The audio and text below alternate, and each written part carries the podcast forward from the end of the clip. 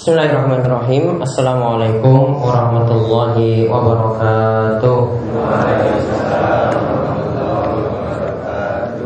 Innalhamdulillah Nahmaduhu wa nasta'inuhu wa nasta'gfiruh Wa na'udhu billahi min sururi anfusina Wa min sayyati amalina. Man yahdihillahu falamudillalah Wa man yudlilhu falahadiyalah Wa ashadu an la ilaha illallah وحده لا شريك له وأشهد أن محمدا عبده ورسوله اللهم صل على نبينا وسيدنا محمد وعلى آله ومن تبعهم بإحسان إلى يوم الدين اللهم انفعنا بما علمتنا وعلمنا ما ينفعنا وزدنا علما اللهم أصلح لنا ديننا الذي هو عصمة أمرنا وأصلح دنيانا التي فيها معاشنا وأصلح آخرتنا التي فيها معادنا وجعلنا الحياة زيادة لنا في كل خير وجعلنا الموت راحة لنا من كل شر Baik uh, para jamaah sekalian, alhamdulillah kita bersyukur kepada Allah Subhanahu wa taala atas nikmat yang telah Allah anugerahkan kepada kita sekalian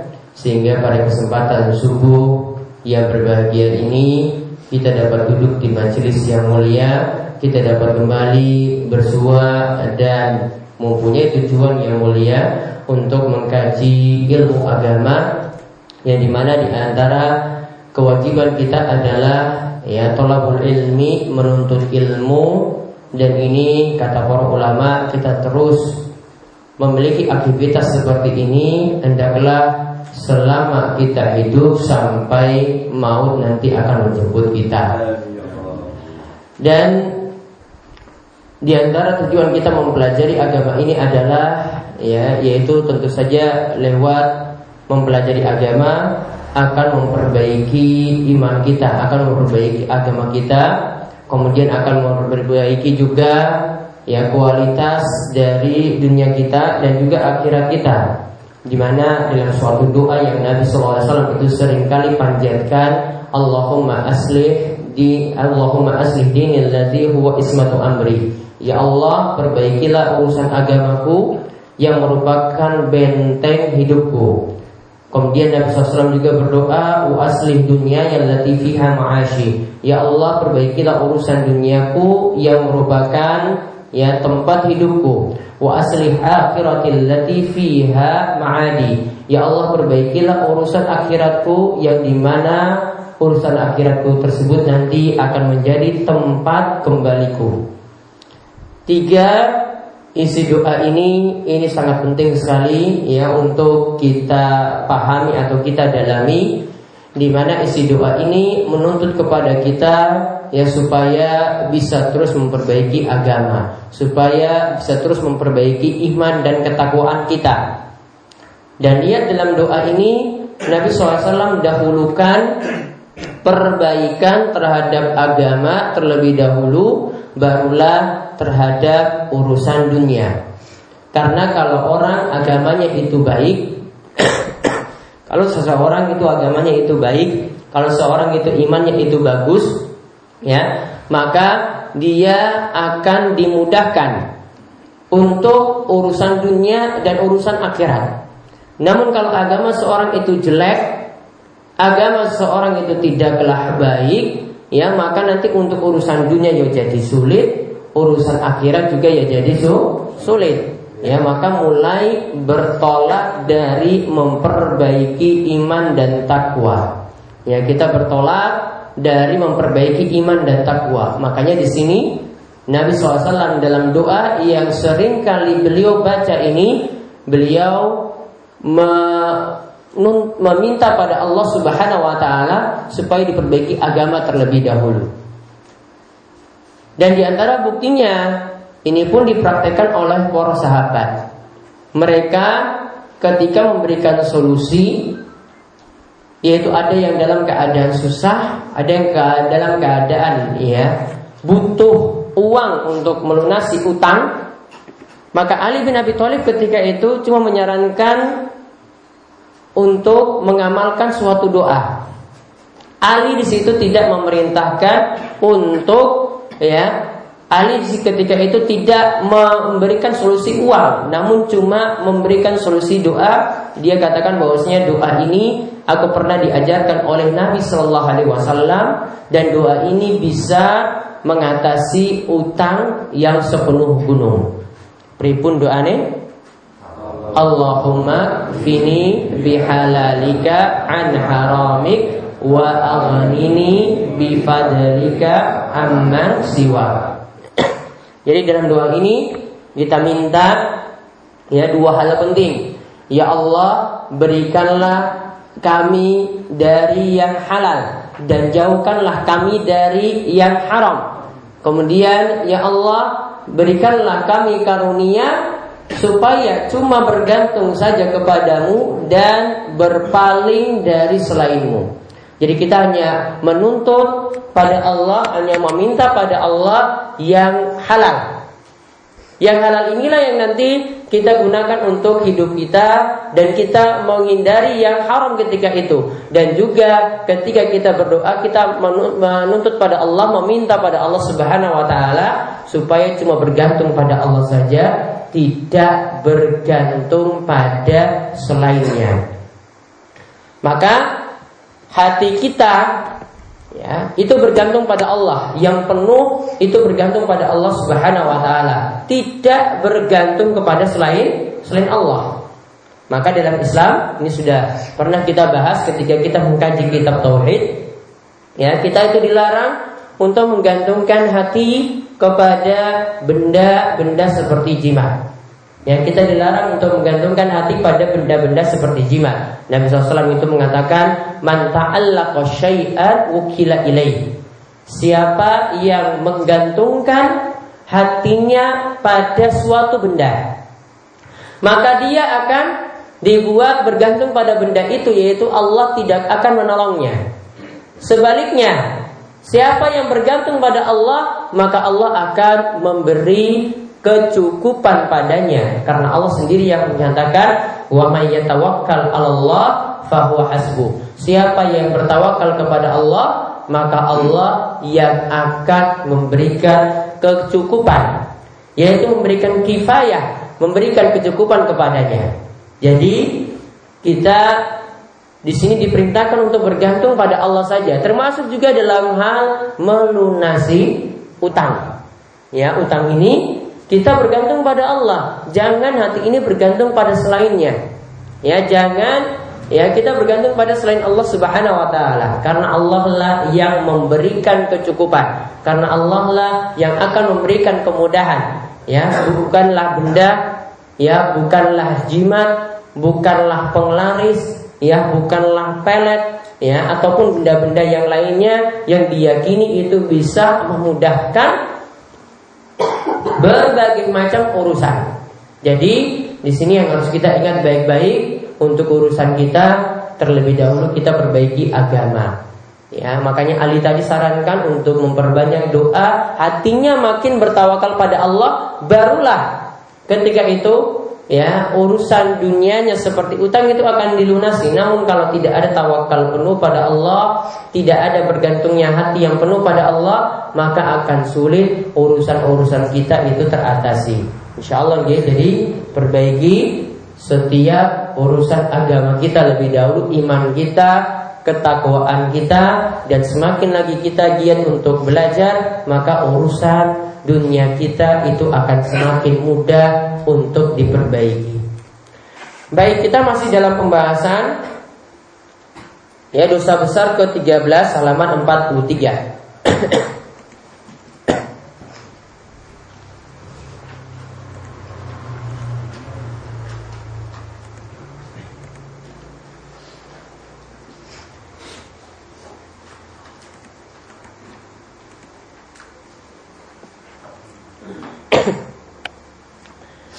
Kita masih membahas tentang pemimpin yang berkhianat, yang zalim dan bengis kepada rakyatnya.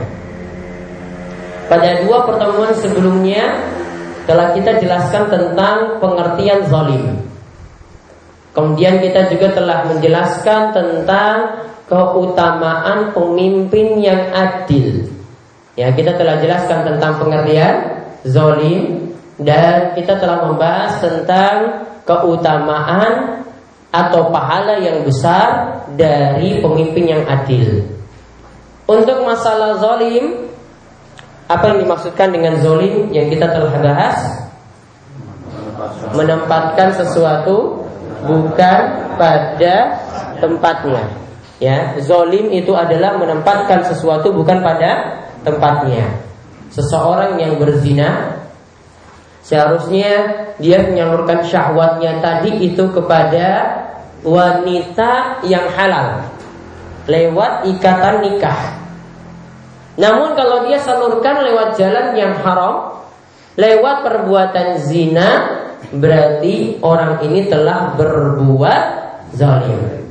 Ya, zalim dalam hal menempatkan syahwatnya bukan pada tempat yang halal. Dan kita sudah sebutkan juga bahwasanya Nabi SAW itu pernah ditanya oleh seorang sahabat. Nabi SAW itu pernah menyebutkan wafi but'i ahadikum sodako dalam hubungan intim kalian dengan istri kalian itu dihukumi atau dinilai sodako Kemudian ada seorang sahabat tanya kepada Nabi SAW, Ayati ahaduna syahwatahu yakunu lahu fiha ajar? Apakah ya kok bisa kita kok datangi istri berhubungan intim dengan istri kok bisa dapat pahala? Maka Nabi SAW memberikan jawaban yang sebaliknya. Bukankah engkau ya jika mendatangi wanita lain bersetubuh dengan wanita lain berhubungan intim dengan wanita lain yang tidak halal Bukankah seperti itu mendapatkan dosa? Dan dosanya dosa apa di sini? Dosa kecil atau dosa besar? Dosa besar. Ya, kemarin sudah kita bahas pula tentang zina. Bukankah seperti itu mendapatkan dosa? Berarti kalau kamu salurkan di tempat yang halal, ya kepada istrimu sendiri, berarti akan memperoleh pahala, akan dapat balasan yang besar. Nah inilah keutamaan orang yang menjaga dirinya dari perbuatan zi, zina. Ya, orang yang menjaga dirinya dari perbuatan zina. Dan telah kita contohkan juga perbuatan zolim itu bentuknya ada yang melakukan tindak kejahatan kepada orang lain. Ya, tindak kejahatan kepada orang lain sampai-sampai karena kezoliman yang diperbuat orang ini jatuh bangkrut. Disebut apa kemarin jatuh bangkrut? Ya, orang yang jatuh bangkrut. Muflis. Ya, disebut sebagai orang yang muflis. Jangan namakan anaknya muflis nih. Gak boleh namakan anak itu muf, muflis. Jadi kalau memberi nama pada anak itu pakai nama-nama yang apik, nama-nama sing maknanya niku apik. Jangan nama wah muflis keren itu muflis. Ya, Muflis itu keren. Jangan. Muflis itu artinya apa? Orang yang bangkrut. Orang yang bangkrut itu gimana? Nabi SAW pernah tanya pada para sahabat, menurut kalian orang yang bangkrut itu seperti apa? Sing jenenge muflis itu apa? Maka para sahabat menyebutkan orang yang bangkrut ya uangnya nggak ada, hartanya itu nggak ada. Lah dirhaman, dia tidak punya dirham, dia tidak punya mata uang. Namun Nabi SAW itu mengatakan bukan. Orang yang bangkrut, lihat. Orang yang bangkrut, orang yang muflis, itu apa? Orang yang menyakiti orang lain nanti pada hari kiamat itu tidak ada lagi dirham, tidak lagi ada dinar. Tidak ada lagi ada rupiah. Ya dia nggak lunasi utangnya. Dia juga menyakiti orang lain. Dia juga rasani orang lain. Dia juga menyakiti tetangganya. Dia juga menyakiti istrinya. Ini nanti di hari kiamat untuk membalasnya itu nggak bisa kita bayar pakai uang. Sudah ini kamu tebusannya sekian rupiah tidak ada, tidak ada lagi uang pada hari kia, kiamat yang ada bayar ngangge amalan. Jadi kita punya amalan sholat nih, amalan sholat. Kita punya amalan sodako Kita punya amalan yang begitu banyak Ini semua nanti akan digunakan untuk Lunasi kejelekan-kejelekan tadi yang kita lakukan pada orang lain Ya, kita gunakan untuk ya lunasi kejelekan-kejelekan yang kita ya kita lakukan pada orang lain. Jadi misalnya iki menyakiti tetangga kemarin, ini bayar pakai amalan solatnya. Ya, nanti yang ini utangnya itu belum lunas lagi, dibayar lagi pakai amalan sodakohnya. Nanti amalan yang lainnya lagi nanti dipakai lagi untuk bayar lagi kezoliman yang lainnya sampai jatuh bangkrut. Kalau kebaikannya habis, nanti dosa dari orang lain ini ditumpuk pada dirinya, jadi dia orang yang jadi orang yang minus minus minus. Ya tadi kan plus ya toh, berkurang, berkurang, berkurang. Kemudian kalau tidak lagi ada amalan kebaikan maka jadi apa? yang minus gara-gara dosanya dari orang lain itu ditumpuk pada orang yang berbuat zalim. Ya, akan seperti itu. Jadi orang yang berbuat zalim itu bisa jatuh apa? Bangkrut. Disebut apa tadi? Muflis. Maka kita berlindung pada Allah supaya kita itu terhindar dari orang yang muflis, orang yang bangkrut. Sungguh merugi. Setiap hari itu sholat setiap hari itu puasa sunnah juga. Ya dia rutin melakukan melakukan puasa sunnah. Dia rutin juga sodako sunnah. Rutin juga nyumbang untuk masjid. Namun zolim pada tetangga zolim pada istri ya zolim pada orang lain akan berkurang kebaikan-kebaikan yang dia miliki. Sungguh jadi orang-orang yang bang bangkrut Ya, maka yang kita selalu mohon pada Allah Subhanahu wa taala supaya kita itu dihindarkan dari keadaan orang yang bang bangkrut. Ya, jangan menjadi orang seperti itu.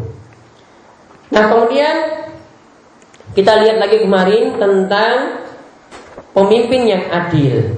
Kemarin disebutkan bahwasanya pemimpin yang adil itu di antara tujuh golongan yang akan mendapatkan naungan pada hari kiamat. Ya, pemimpin yang adil itu di antara tujuh golongan yang akan mendapatkan naungan pada hari kiamat. Ini sebagaimana disebutkan dalam hadis Bukhari Muslim, hadis yang sahih dari Bukhari Muslim. Di situ disebutkan ya, sab'atun yuzilluhumullah fi zillihi yauma la zilla illa. Ya, ada tujuh golongan yang di mana Tujuh golongan ini akan mendapatkan naungan pada hari kiamat. Ya, akan mendapatkan naungan pada hari kiamat dan tidak ada naungan dan pertolongan selain pertolongan Allah. Dan ingat keadaan pada hari kiamat itu benar-benar sulit. Nanti pada hari kiamat setiap orang itu akan mendapatkan kesulitan. Nanti ada yang bermandikan keringat. Ini bukan mandi yang banyu loh. Mandi pakai keringat sendiri. Ya, ini keringatnya itu ada karena matahari nanti pada hari kiamat begitu dekat. Jaraknya pinten kilo? Satu mil. Jaraknya cuma satu mil. Serak loh, satu mil itu kurang dari satu kilo. Nah itu akan didekatkan Maka ada yang bermandikan keringat sampai di betis ada yang bermandikan keringat sampai di pusarnya. Ada yang bermandikan keringat itu sampai di pundaknya. Dan ada yang tenggelam dengan keringatnya sendiri. Makanya pada hari kiamat kita benar-benar butuh akan pertolongan Allah. Makanya adanya ada namanya syafaat. Ada namanya apa? Syafaat. Syafaat ini sudah pernah kita bahas. Syafaat itu artinya nanti orang-orang pada hari kiamat meminta kepada orang-orang yang mulia seperti para nabi. Untuk para nabi ini berdoa pada Allah supaya ketika itu segera dilakukan persidangan. Supaya segera dilakukan persidangan. Ya nanti orang-orang pada hari kiamat itu meminta kepada para nabi Maka nanti ini syafaatnya dikenal dengan syafaatul uzma Jadi nanti ada yang pada hari kiamat itu meminta kepada Nabi Adam terlebih dahulu, wahai Nabi Adam, tolong berdoa pada Allah supaya kesulitan pada hari ini itu terangkat. Nabi Adam punya satu dosa. Yaitu Nabi Adam kenapa? Kan bisa keluar dari surga kan? Jadi melakukan kesalahan ketika itu dia tidak mau memberikan syafaat. Kemudian mereka beralih kepada Nabi Nuh alaihissalam. Minta syafaat juga pada Nabi Nuh. Nabi Nuh juga tidak bisa memberikan Syafaat. Kenapa Nabi Nuh tidak bisa memberikan syafaat? Karena dulu dia pernah mau mendoakan anaknya. Anak Nabi Nuh niko muslim nopo kafir? Kafir. Tidak mau beriman. Ya. Bahkan istrinya juga kah? Kafir. Tidak mau beriman. Maka ketika itu dia meminta doa kepada Allah supaya anaknya tadi yang mati kafir itu diampuni. Dia buat kesalahan. Itu seperti itu tidak boleh. Ya, dan ini harus diingat baik-baik kalau selama hidup ada misalnya sedulur kita yang dekat dengan kita, masih kerabat dengan kita itu non muslim. Selama hidup itu masih boleh meminta hidayah kepada Allah ya supaya orang itu akan dapat hidayah. Namun kalau sudah mati tidak boleh memintakan ampun. Tidak ada kirim pahala kepada non muslim itu tidak ada. Tidak ada baca-bacakan surat kepada non muslim itu tidak ada. Tidak ada kirim doa pada non muslim itu tidak ada. Terputus hubungan. Selesai. Ketika di dunia saja, ketika di dunia baru boleh doakan. Doakan apa? Supaya dia dapat hidayah. Ya, supaya dia dapat hidayah. Namun di antara aturannya ya ketika dia itu masih non muslim, ada adab yang perlu diperhatikan, kita tidak boleh ucapkan salam kepadanya. Ya tidak boleh kata Nabi SAW, la tabda'ul yahuda walan nasara bisalah. Tidak boleh mendahulukan salam kepada orang Yahudi kalian wong Nasrani. Namun kalau doakan dengan doa yang lain, walaupun salam itu adalah doa. Doakan dengan doa yang lain itu boleh. Misalnya, semoga engkau dapat hidayah. Pernah ada seorang Yahudi yang datang kepada Nabi SAW, dia ingin bersin, dia bersin ketika itu, dan dia ingin dapat doa dari Nabi supaya Nabi nanti kalau saya bersin, saya ucapkan Alhamdulillah, nanti Nabi mengucapkan Yarhamukallah, semoga Allah merahmatimu. Berarti kan doa baik kan? Doa baik. Namun ketika itu dia bersin, dia ucapkan Alhamdulillah. Wah ini mungkin mudah-mudahan Nabi doakan saya ini baik. Ternyata yang Nabi doakan itu langsung Yahdikumullah. Semoga Allah memberikan hidayah untukmu. Gak ada kasih sayang Allah untukmu. Namun apa? Supaya kamu dapat hidayah. Supaya kamu dapat hidayah. Gak usah dapat rahmat. Namun dapat hidayah langsung. Nanti kalau dapat hidayah, masuk Islam, maka nanti akan diberikan rahmat setelah itu. Namun kalau didoakan rahmat terlebih dahulu, ya, wah dia senang. Ya, dia senang kalau seperti itu. Ya, namun di situ langsung Nabi SAW doakan apa? Yahdi kumullah. Jadi kalau ada non muslim misalnya ya, kalau pinter ya ngerti ajaran Islam, ya, ngerti ajaran Islam, misalnya, oh jangan salah, pernah saya itu kurban ya, kurban di suatu sekolah. nggak usah disebutin di sekolahnya ada situ ada guru non muslim ya. Dia kan dulu ya dulu Islam. Jadi masih ada bekas-bekas Islamnya suruh murid-muridnya eh takbir takbir takbir. Uh, aku orang kon takbir kok. Yang ini dia suruh muridnya yang takbir. Eh ayo takbir takbir. Allah Akbar Allah Akbar. Saya kaget. Oh ini non muslim kok iso? Kok yang ini ya. Jadi ngerti masih ada ajaran yang dulu kan masih ada Ya. Jadi ada non muslim yang ngerti ajaran Islam tapi tidak mau masuk Islam.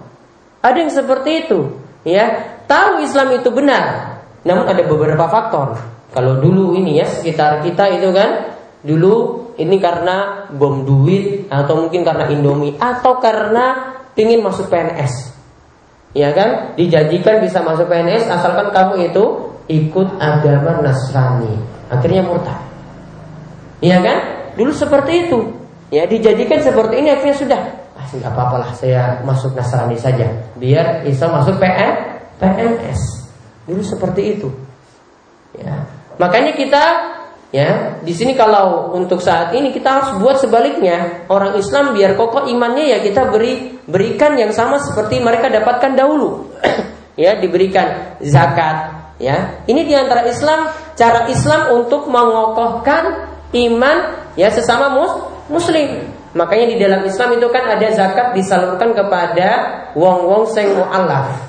Mu'alaf itu bukan hanya orang yang baru masuk Islam. Ya, ingat ya, mu'alaf itu bukan hanya orang yang baru masuk Islam, namun orang yang ingin dilembutkan hatinya. Baik itu yang sekarang itu Islam, namun sering ganggu-ganggu saudaranya, dikasih zakat. Atau dia adalah seorang pemimpin. Ya, biar dia tidak mengganggu dakwah, biar tidak mengganggu ya uh, aktivitas kaum muslimin yang ada, maka diberikan zakat juga. Ya, itu namanya juga mu'allafatul qulubuhum. Orang yang dilembutkan hatinya. Ya, orang yang dilembutkan hatinya supaya tidak mengganggu orang lah, orang lain. Seperti itu boleh. Ya, seperti itu dibolehkan. Jadi zakat disalurkan pada orang-orang seperti itu dibolehkan. Ya, Nah itu itu namanya kita memberikan uh, motivasi-motivasi sosial dalam beramal, namun tetap kita tuntut pada mereka untuk ikhlas nanti ketika masuk Islam bukan karena dapat zakat ini, namun ketika mereka masuk Islam benar-benar nanti mereka menjalankan ajaran dengan benar. Kita kembali tadi tujuh orang tadi kita ulang lagi ulasannya. Yang pertama pemimpin yang adil. Ya, orang yang dapat naungan pada hari kiamat pemimpin yang adil. Nanti akan kita bahas lebih lengkap nanti setelah ini. Kemudian yang kedua, pemuda wasyabun nasyahati ibadatillah. Pemuda yang rajin ibadah kepada Allah. Pemuda yang rajin ibadah. Setiap pemuda itu biasanya kan jadi orang yang lalai. Coba perhatikan anak-anak SMP atau SMA itu senangnya cuma dolan, senangnya cuma ya pakai motor, senangnya cuma ya dolanan HP. Karena ketika itu mereka tidak ada kegiatan yang bermanfaat, mereka tidak ada kegiatan yang penting-penting.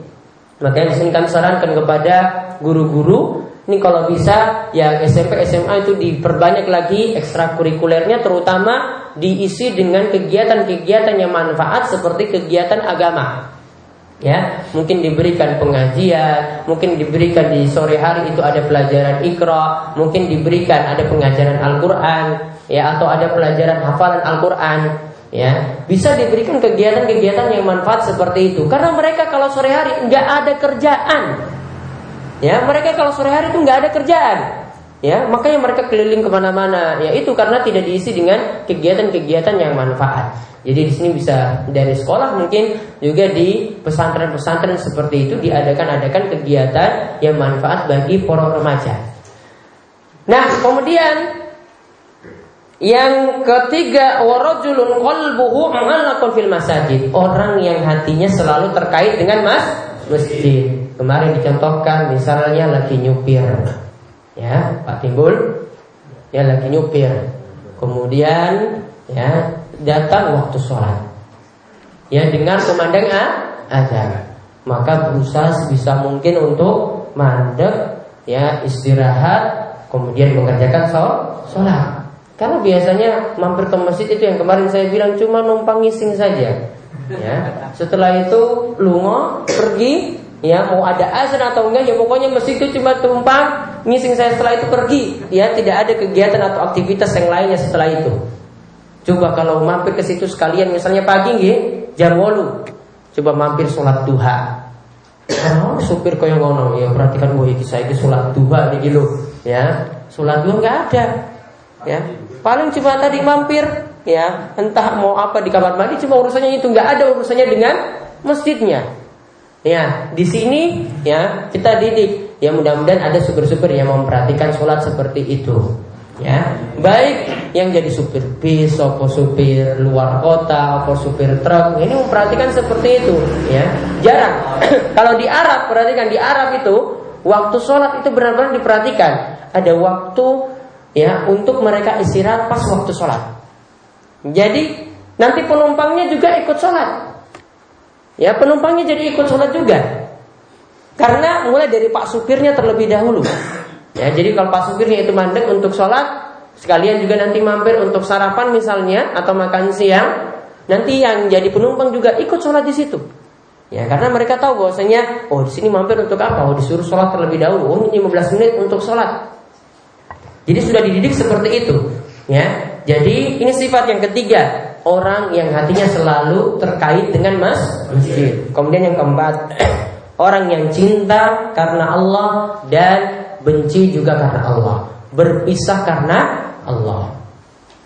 Ingat kita bangun cinta, kasih sayang terhadap sesama muslim itu bukan didasarkan akan golongan. bukan didasarkan akan ya kesukuan, bukan didasarkan atas kebangsaan. Namun kita membangun cinta di antara sesama saudara kita adalah karena sama-sama beriman. Saudara kita itu beriman, saudara kita itu bertakwa, maka semakin besar cinta kita kepada dirinya. Jadi bangunnya seperti itu bukan karena ah ini karena dia ini satu golongan dengan saya. Ah ini karena sama-sama wong warak misalnya, ya. Ya ini kalau orang jauh enggak, saya enggak mau. Pokoknya karena wong warak lain. Ya, ini keliru.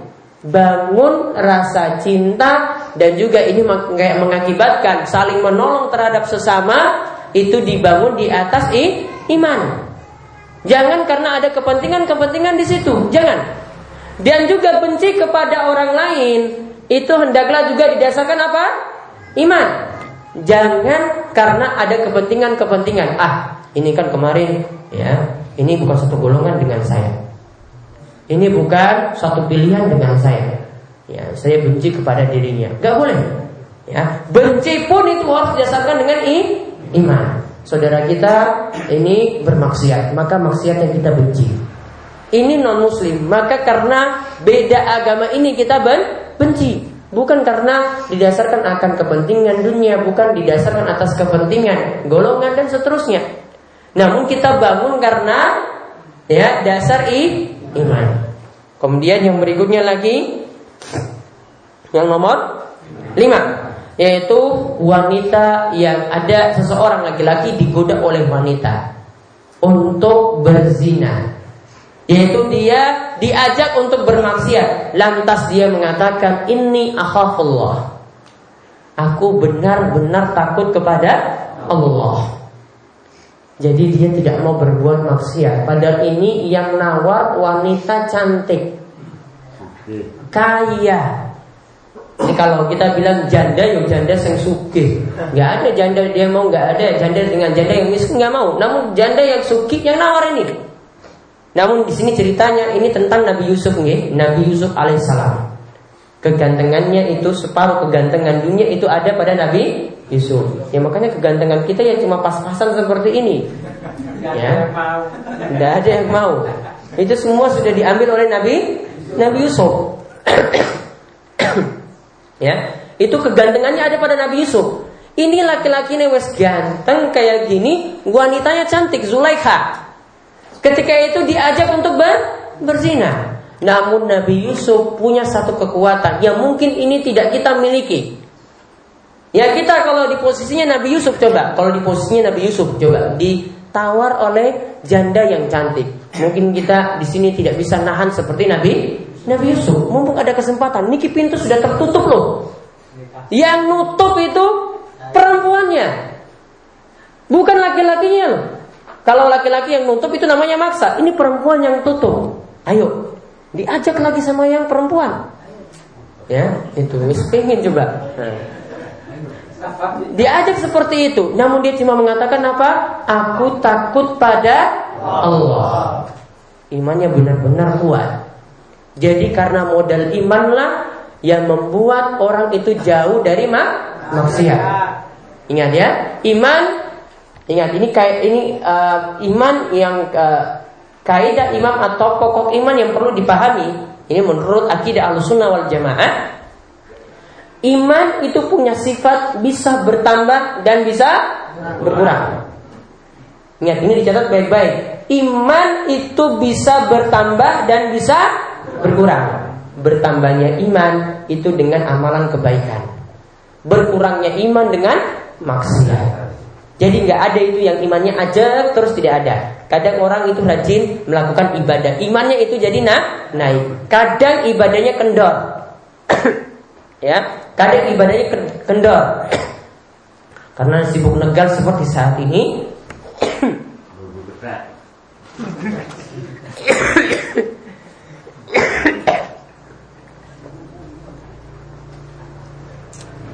kipasin pakai ini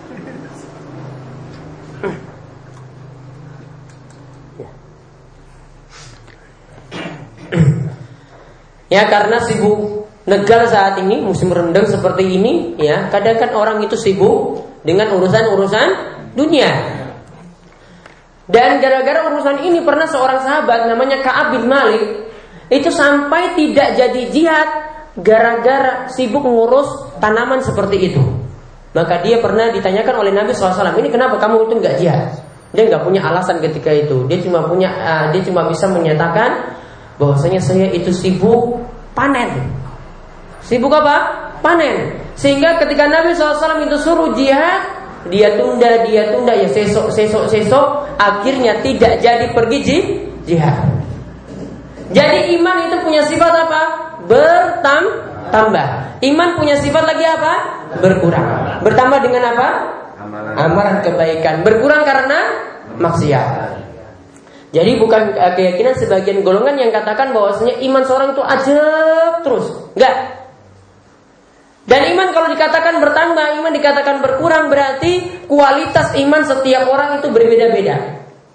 Kualitas iman kita dengan Abu Bakar As-Siddiq, sahabat yang mulia, itu berbeda. Kualitas iman kita dengan Umar bin Khattab itu juga berbeda. Kualitas iman kita dengan imannya para ulama juga ber berbeda. Dan jika iman itu makin kuat, maka cobaannya makin ber berat. Ingat, musibah itu bisa jadi ya karena tiga sebab. Musibah itu bisa menimpa kita itu karena tiga sebab. Yang pertama, sebagai ujian. Yang pertama sebagai ujian. Orang itu kalau sekolah, ya toh, kalau sekolah sudah sinau belajar, pasti ada ujian. Sudah mengerti tentang iman, pasti nanti imannya itu di diuji. Maka orang yang nggak pernah sekolah, nggak ada ujian. Ya kan? Orang nggak sekolah itu nggak mungkin ada ujian. Maka kalau ada yang tanya misalnya, waduh, Ustaz, saya ini kok setiap hari ini susah terus hidup saya, ya, susah terus. Maka jawabannya gampang, kau ini sholat apa ora? Ya, kalau orang sekolah dapat ujian itu wajar. Ini wes ora sholat kok entok ujian. Ujiannya siapa yang kasih? Ya, ini nggak sekolah kan? Enggak sekolah, enggak sholat. Ya, ibaratnya seperti ini enggak sholat. Kok bilang kamu itu dapat ujian? Orang yang dapat ujian itu ketika apa? Tadi sekolah. Artinya imannya ada dulu. Berarti ujian ini untuk orang ber, beriman. Orang yang punya iman itu yang diuji. Kalau orang tidak punya iman berarti tidak di, di, tidak akan diu, diuji. Ngapain diuji? Wong dia gak sekolah kok dapat ujian itu gimana coba? Ya ini gak sekolah loh kok dapat ujian itu nggak mungkin. Maka tadi nggak tepat kalau orang yang nggak sholat bilang itu saya sedang di diuji. Siapa yang yang sekolahin kamu? Wong kamu nggak sekolah kok bilang itu dapat ujian. Kemudian yang kedua, ya musibah itu diberikan karena dosa yang dilakukan. Karena dosa yang dilakukan.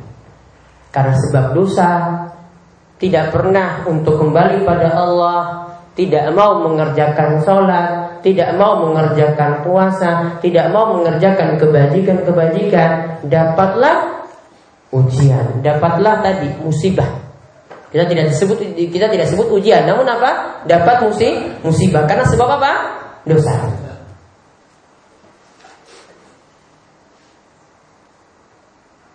Kemudian yang ketiga, musibah itu ada untuk menghapuskan dosa.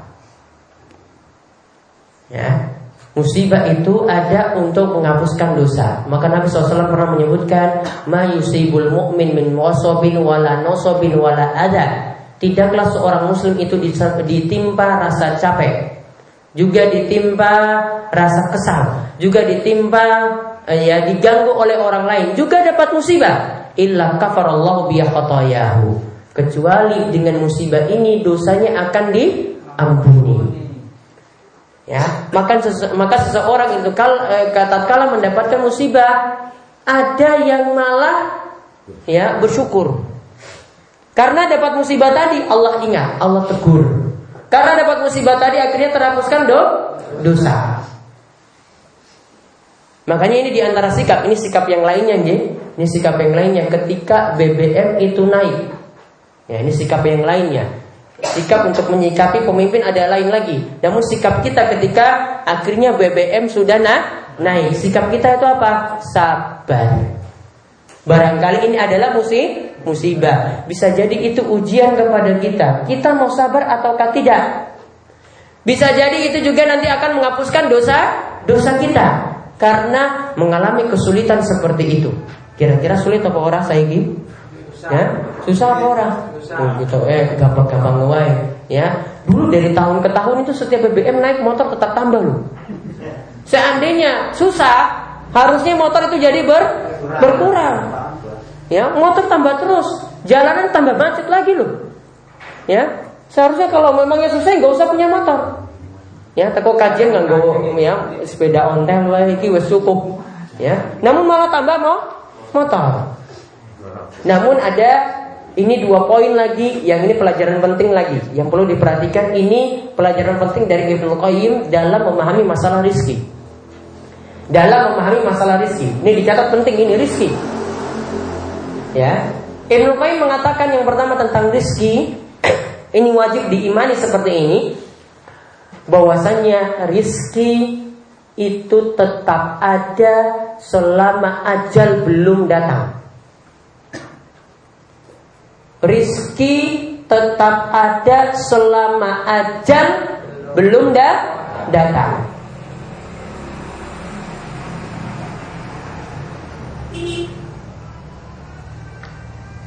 Maka Nabi SAW itu perintahkan kepada kita untuk bekerja.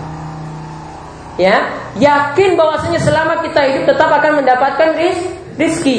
Tidak mungkin kita itu ketika Allah itu beri kehidupan Lantas Allah tidak beri rezeki kepada kita Tidak mungkin. Bahkan kalau kita punya jatah sebelum mati Bapak-bapak ini punya jatah. Di catatan takdir ditulis Ini Pak Selamet sebelum mati itu entok es krim. Dapat es krim terlebih dahulu Maka pasti nanti akan dapat es krim Baru nyawanya dicabut. Kalau tidak dapat es krim Maka belum mati. Harus yakin itu. Rizki tetap ada sebelum ajal itu belum dah datang maka nggak perlu khawatir dengan masalah rezeki. Rezeki kita tetap ada. Begitu juga rezeki kepada istri kita, rezeki kepada anak kita tetap ada. Yang penting itu rajin beker, bekerja. Kemudian yang kedua, keimanan tentang masalah rezeki yang perlu diyakini jika satu pintu rizki tertutup. Jika satu pintu rizki tertutup, maka pasti akan dibuka pintu rizki yang lain. Coba diulang. Jika satu pintu rizki di, ditutup, maka pasti akan dibuka pintu rizki yang yang lainnya. Ibnu Qayyim memberikan gambaran mulai dari bapak-bapak itu lahir. Dari dalam rahim. Kita kalau dari dalam rahim, ya, saat di perut ibu, ada yang ngerti nggak dulu makan apa? Nggak tahu. Nggak tahu kan? Nggak tahu. Itu kan dari satu tali pusar. Iya toh? Satu tali pusar. Dari satu tali ini kita masih bisa hidup di dalam kandungan ibu. Cuma satu loh, rizkinya cuma dijamin sah? satu, satu jalur. Ketika lahir, tali pusarnya kan diputus, ya kan? Diputus. Apa ketika itu ada yang khawatir? Waduh, tali pusar kok diputus orang saurik. Ada yang seperti itu? Tidak. Dia yakin setelah ini ada rizki. Setelah lahir, gantiannya apa dari tali pusar ini? Asi dari dua puting susu ibu kita. Dari dua kan? Dari satu Allah ganti jadi dua. Gak ada ketika lahir, wah saya nggak mau keluar ini, saya nggak bisa makan lagi. Tali pusar diputus. Gak mungkin kan? Dia keluar. Keluar kemudian dapat asi dari ibunya. Dari dua puting susu ibunya. Maka satu rizki diganti Dua. Ketika sudah tidak lagi bergantung pada asi Maka ada yang bilang Oh saya mau nenen terus. Kalau nggak nenen nanti saya nggak bisa hidup. Ternyata digantikan dengan apa setelah besar kita diganti dengan empat rizki. Makanan itu bersumber kata Ibnu Qayyim itu bersumber dari empat rizki. Nasi juga termasuk di sini, daging termasuk di sini lihat. Entah dari tumbuhan, entah dari hewan, Entah dari air, entah dari susu. Empat. Dari dua tadi, dua puting susu ibu jadi empat. Apa ketika tadi mau lepas dari asi ibu langsung, wah, aku kepiye uripe ya? Tetap masih bisa hidup kan? Masih bisa hidup nggak? Masih bisa. Lihat besar seperti ini, masih bisa hidup empat. Satu diganti dua, dua diganti empat. Masih khawatir lagi. Coba lihat setelah empat ini nggak ada lagi ya, kita mati ya maka nanti orang beriman itu akan dijanjikan delapan pintu surga. Ibnu Qayyim itu katakan akan dijanjikan delapan pintu surga. Maka coba lihat, satu gugur digantikan jadi dua, dua gugur dijadikan ganti empat, empat gugur jadikan jadi delapan. Apa masih khawatir dengan rizki? Ya, harus yakin dengan ris rizki. Satu pintu rizki tertutup maka akan dibuka dua. Dua tertutup jadi empat. Maka kalau banyak yang ditutup, Allah akan buka pintu yang lainnya. Maka setiap orang itu harus yakin dengan rizki. Ya, harus sekali eh, sekali lagi yakin dengan rizki. Oleh karena itu dituntut pada setiap orang cari rizki yang ha halal.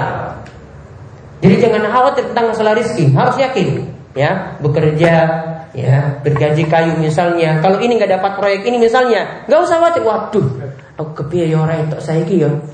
Jangan khawatir, Allah akan buka lagi pintu ya lainnya. Proyek itu wes rampung. Waduh, kepiye nih mau dapat lagi nih gimana lagi? Ya, kita mau kerja lagi seperti apa? Kalau ini ditutup nggak dapat, nanti akan dibuka lagi pintu yang lainnya. Bahkan Allah akan beri berkali-kali lipat di situ. Jadi tidak perlu khawatir tentang masalah ris rizki. Maka Nabi SAW itu katakan dalam kita itu ingin meraih sukses ihris alamayan fa'uf wasta'in billah wala ta'jizanna. Ya, bersemangatlah meraih apa yang bermanfaat untukmu. Banyak minta tolong pada Allah, banyak doa. Dan janganlah patah semangat, terus kerja, terus kerja, terus kerja. Jangan sampai punya rasa malas. Pasti orangnya akan sukses dunia dan akhirat. Ya, namun kalau malas-malasan kerja wes malas, wah BBM iki wes ya, larang kok yang ini wes merasa kerja wae Ya. Turu wae.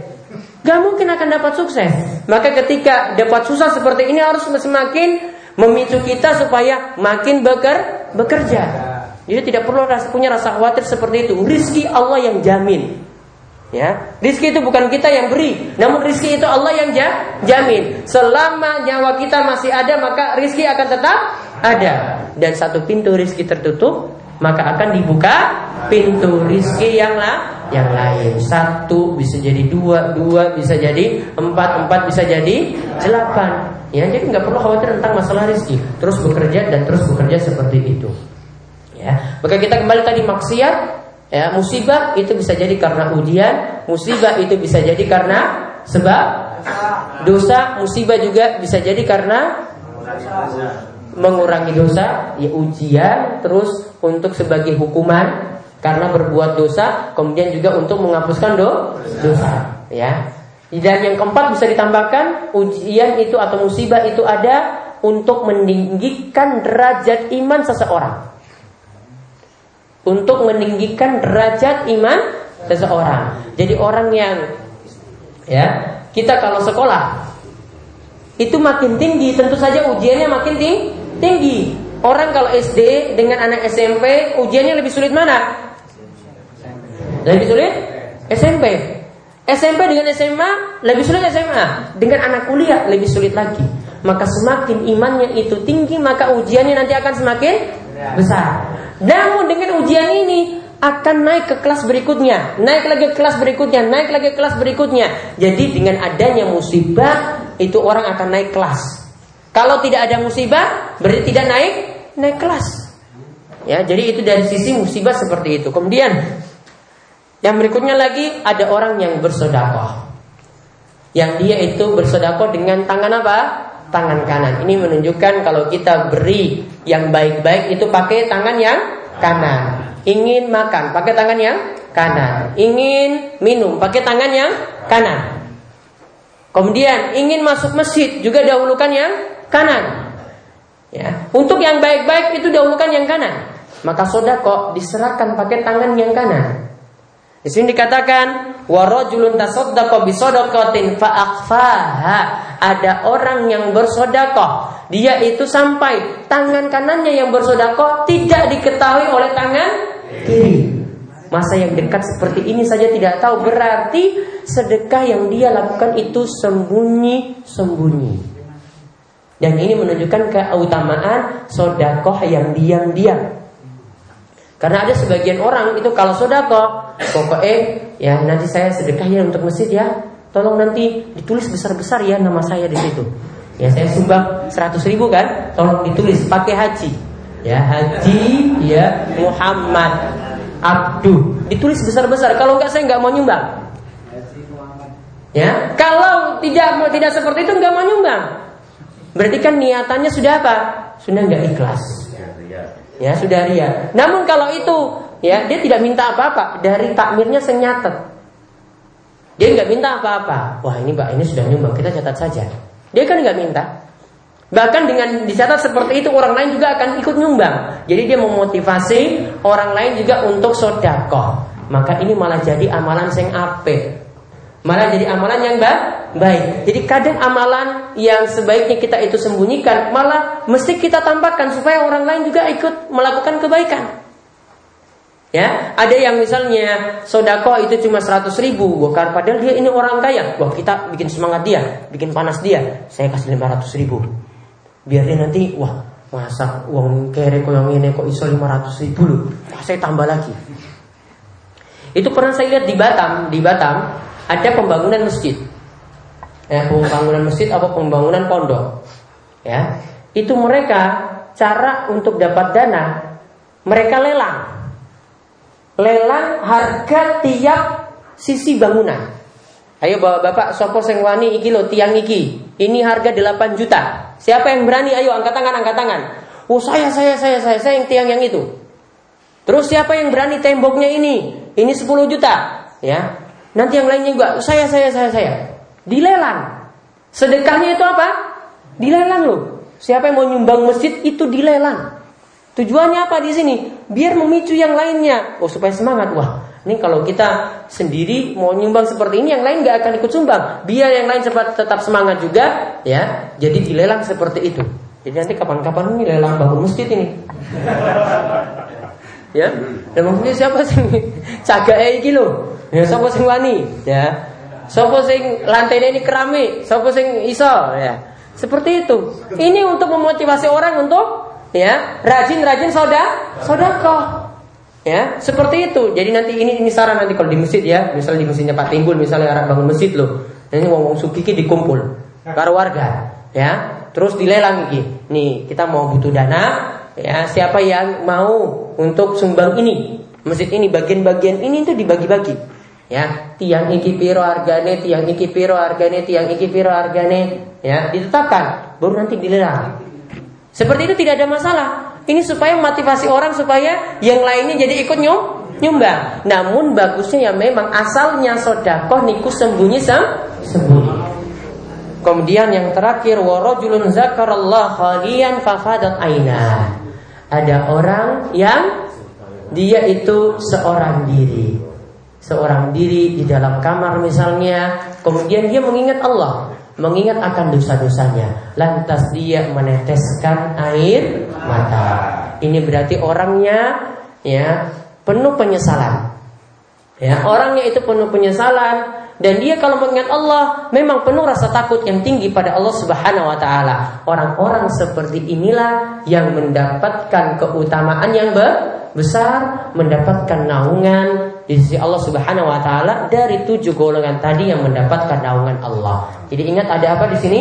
Pemimpin yang adil. Kemudian ada seorang pemuda yang rajin ibadah. Ada tadi ya yang selalu hatinya terkait dengan mas masjid. Ya bukan hanya supir nggih, setiap orang yang hatinya terkait dengan mas masjid, jadi guru, jadi pekerja, jadi buruh, hatinya selalu ingat sholat. Maka termasuk di sini. Yang kelima, Orang yang saling mencintai karena Allah dan berpisah juga karena Allah. Yang keenam, kayak tadi yang keempat berkeempat. Ya, yang kelima, orang yang takut pada Allah ketika bermaksiat, dia mengatakan aku takut pada Allah saat diajak berzina. Kemudian yang keenam, orang yang sodako. Sodako dengan tangan kanannya, tangan kirinya itu tidak tahu. Kemudian yang terakhir, orang yang hatinya ya selalu ya ketika berada bersendirian, ya matanya itu meneteskan air mata. Ini tujuh golongan ini mudah-mudahan kita bisa termasuk salah satu darinya ya atau mungkin semuanya. Kalau kita pemimpin bisa jadi pemimpin sing adil kalau kita masih muda masih terikat ya kita masih rajin ibadah masih diberi kekuatan masih rajin ibadah. Kemudian kalau kita ya hati kita juga kita berusaha untuk terkait dengan mas masjid. Cinta dan benci karena Allah kemudian takut untuk berbuat maksiat rajin juga sodakoh ya yang sembunyi sembunyi kemudian punya rasa takut yang tinggi, rajin untuk meneteskan air mata kita. Nah di kemauan dan nanti pembahasan tentang kepemimpinan nanti insya Allah akan kita rampungkan pada pertemuan berikutnya. Jadi tadi baru seputar pemimpin yang adil. Ada pertanyaan? Ya.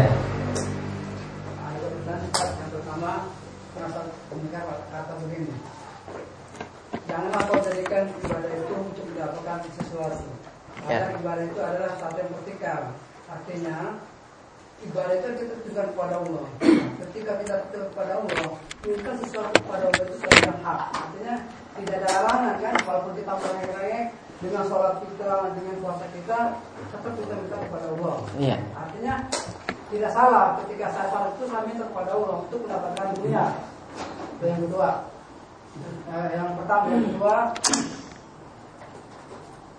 beramallah dengan ikhlas. Jadi janganlah beramal itu karena sesuatu. Kalau di salat dari ayat tadi dikatakan begini.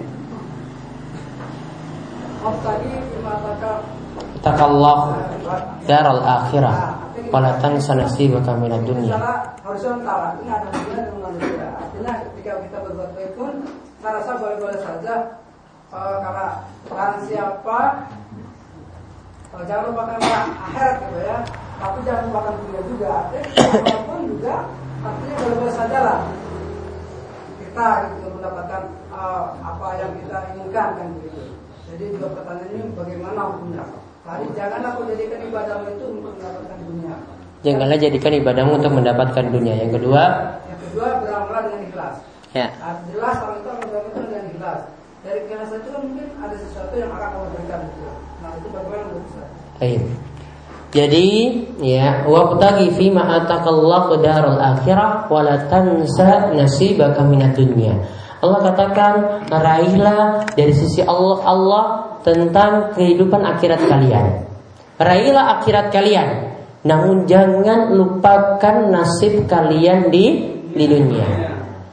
Di sini patut dibedakan kita beramal dengan kita cari keuntungan dunia. Ini dua hal yang tidak bisa digabungkan. Ya, kita beramal itu untuk dapat keuntungan akhirat. Murni keuntungan ak akhirat. Keuntungan dunia itu tidak bisa kita dapat dari amalan. Jadi nggak boleh orang punya niatan gini, ya nggak boleh orang punya niatan saya sholat duha biar dapat uang 500 ribu. Ini nggak boleh. Namun kalau dia misalnya berdoa ya ya Allah berilah aku kemudahan mendapatkan uang 500 ribu. Boleh. Namun itu dia minta dalam do doa. Kalau yang saya sebutkan tadi contohnya dia beramal pingin dapat gantian 500 ribu. Kan dia beramal ini loh sholat pingin dapat ganti 500 ribu. Dia tidak ingin pahala dari Allah namun pengen dapat gantian yang ada di dunia. Gak usah di akhirat sudah, saya nggak mikir lagi akhirat-akhirat sudah. Di dunia saja saya pengen segera. Ini nggak boleh. Ya, dia pakai hukum ekonomi dalam beramal berarti kan? Ya, dia pakai hukum ekonomi. Wah, saya beramal, aku iki sholat, men entok duit. Ini jelas tidak? Tidak boleh. Namun kalau dia dalam doa, ya dia dalam doa, ya Allah saya punya utang yang sangat-sangat sulit. Saya punya utang 10 juta. Saya mohon ya Allah supaya ini segera dilepaskan dari utang ini. Maka ini minta di dalam doa. Di dalam doa minta seperti ini orang masalah. Namun kalau kita beramal tadi, sholat kita, puasa kita, oh saya puasa ini kata Pak Kiai kemarin ini kalau puasa nanti bisa dapat uang 500 ribu. Berarti kan dia beramal untuk cari dunia. Tidak boleh. Namun ada orang yang beramal juga, beramal tetap ikhlas.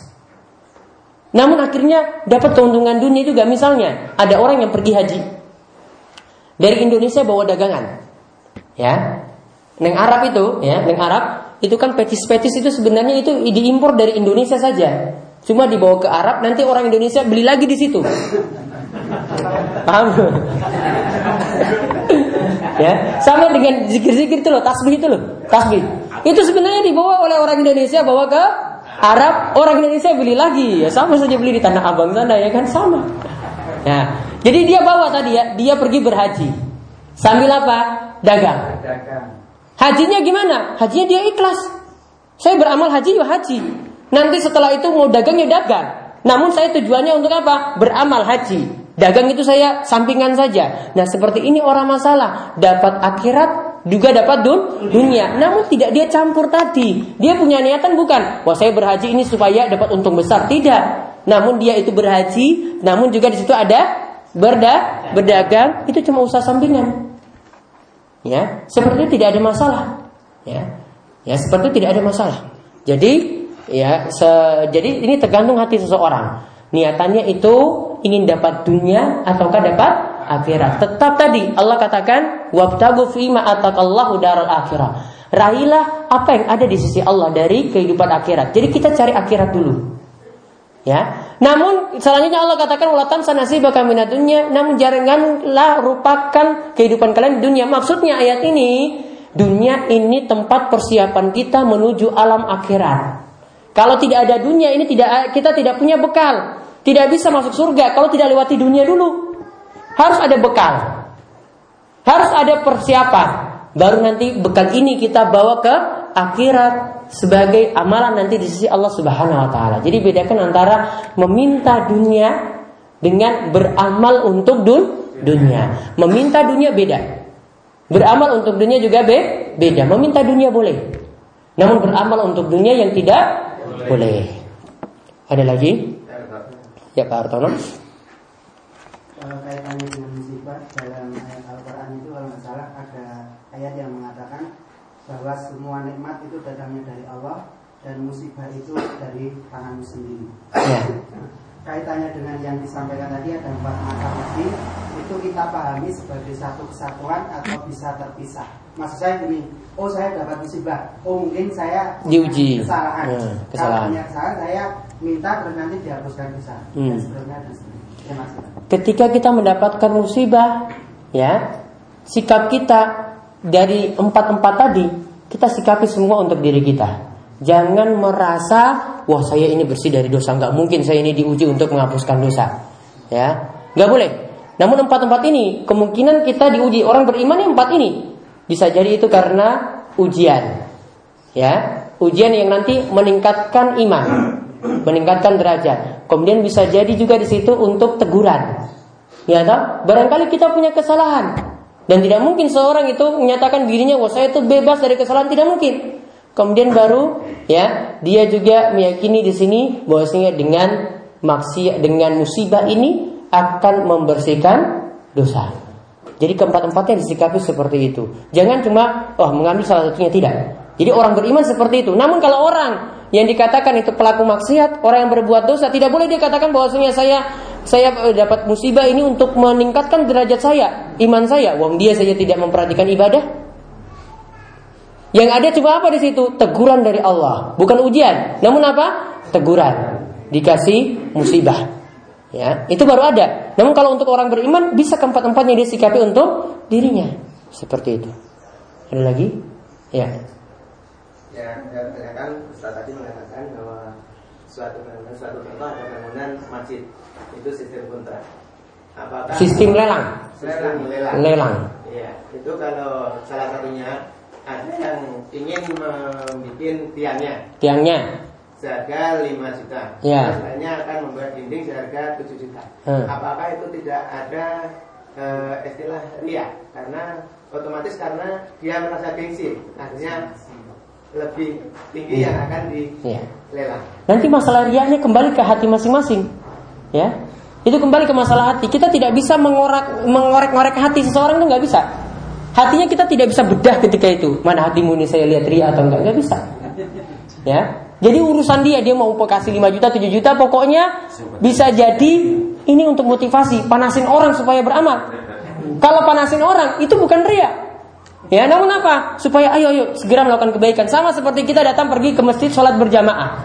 Nggak boleh kita alasan, wah saya takut teriak nanti ketika ke masjid nanti orang-orang sebut saya itu sholat. Kan nggak seperti itu kan?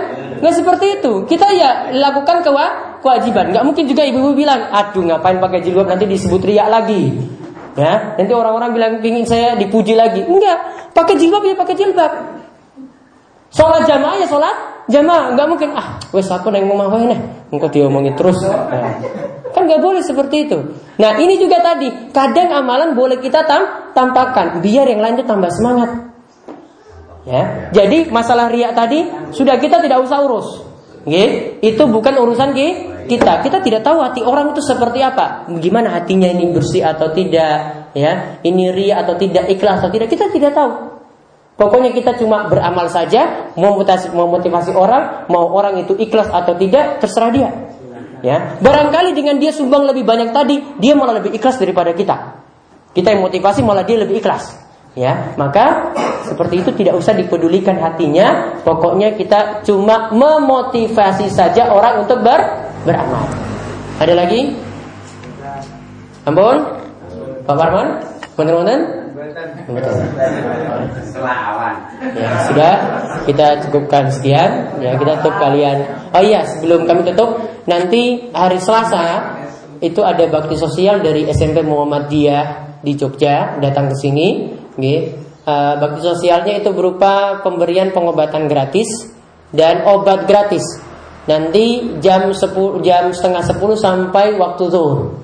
Jam setengah 10 sampai waktu zuhur hari Selasa ya, hari Selasa. Jadi nanti ada yang butuh obat, butuh pemeriksaan dokter, ini gratis semuanya dari SMP Muhammadiyah di Jogja. Itu ada ulang tahun sekolah, kemudian di ingin di bakti sosial ke warak, pokoknya santri-santri atau orang-orang yang nggak datang ke pesantren pun boleh. Ya ada yang butuh pengobatan pemeriksaan ada dokter langsung didatangkan dokter ini ini dokter dan juga ada obat gratis yang dibagikan ketika itu. Ya nanti saya SMS juga untuk uh, masalah ini. Ya ini kemauan kita cukupkan sekian kita tutup kalian doa kafaratul majelis semoga subhanakallahumma bihamdika asyhadu an la ilaha illa anta astaghfiruka wa atubu ilaik. Assalamualaikum warahmatullahi wabarakatuh.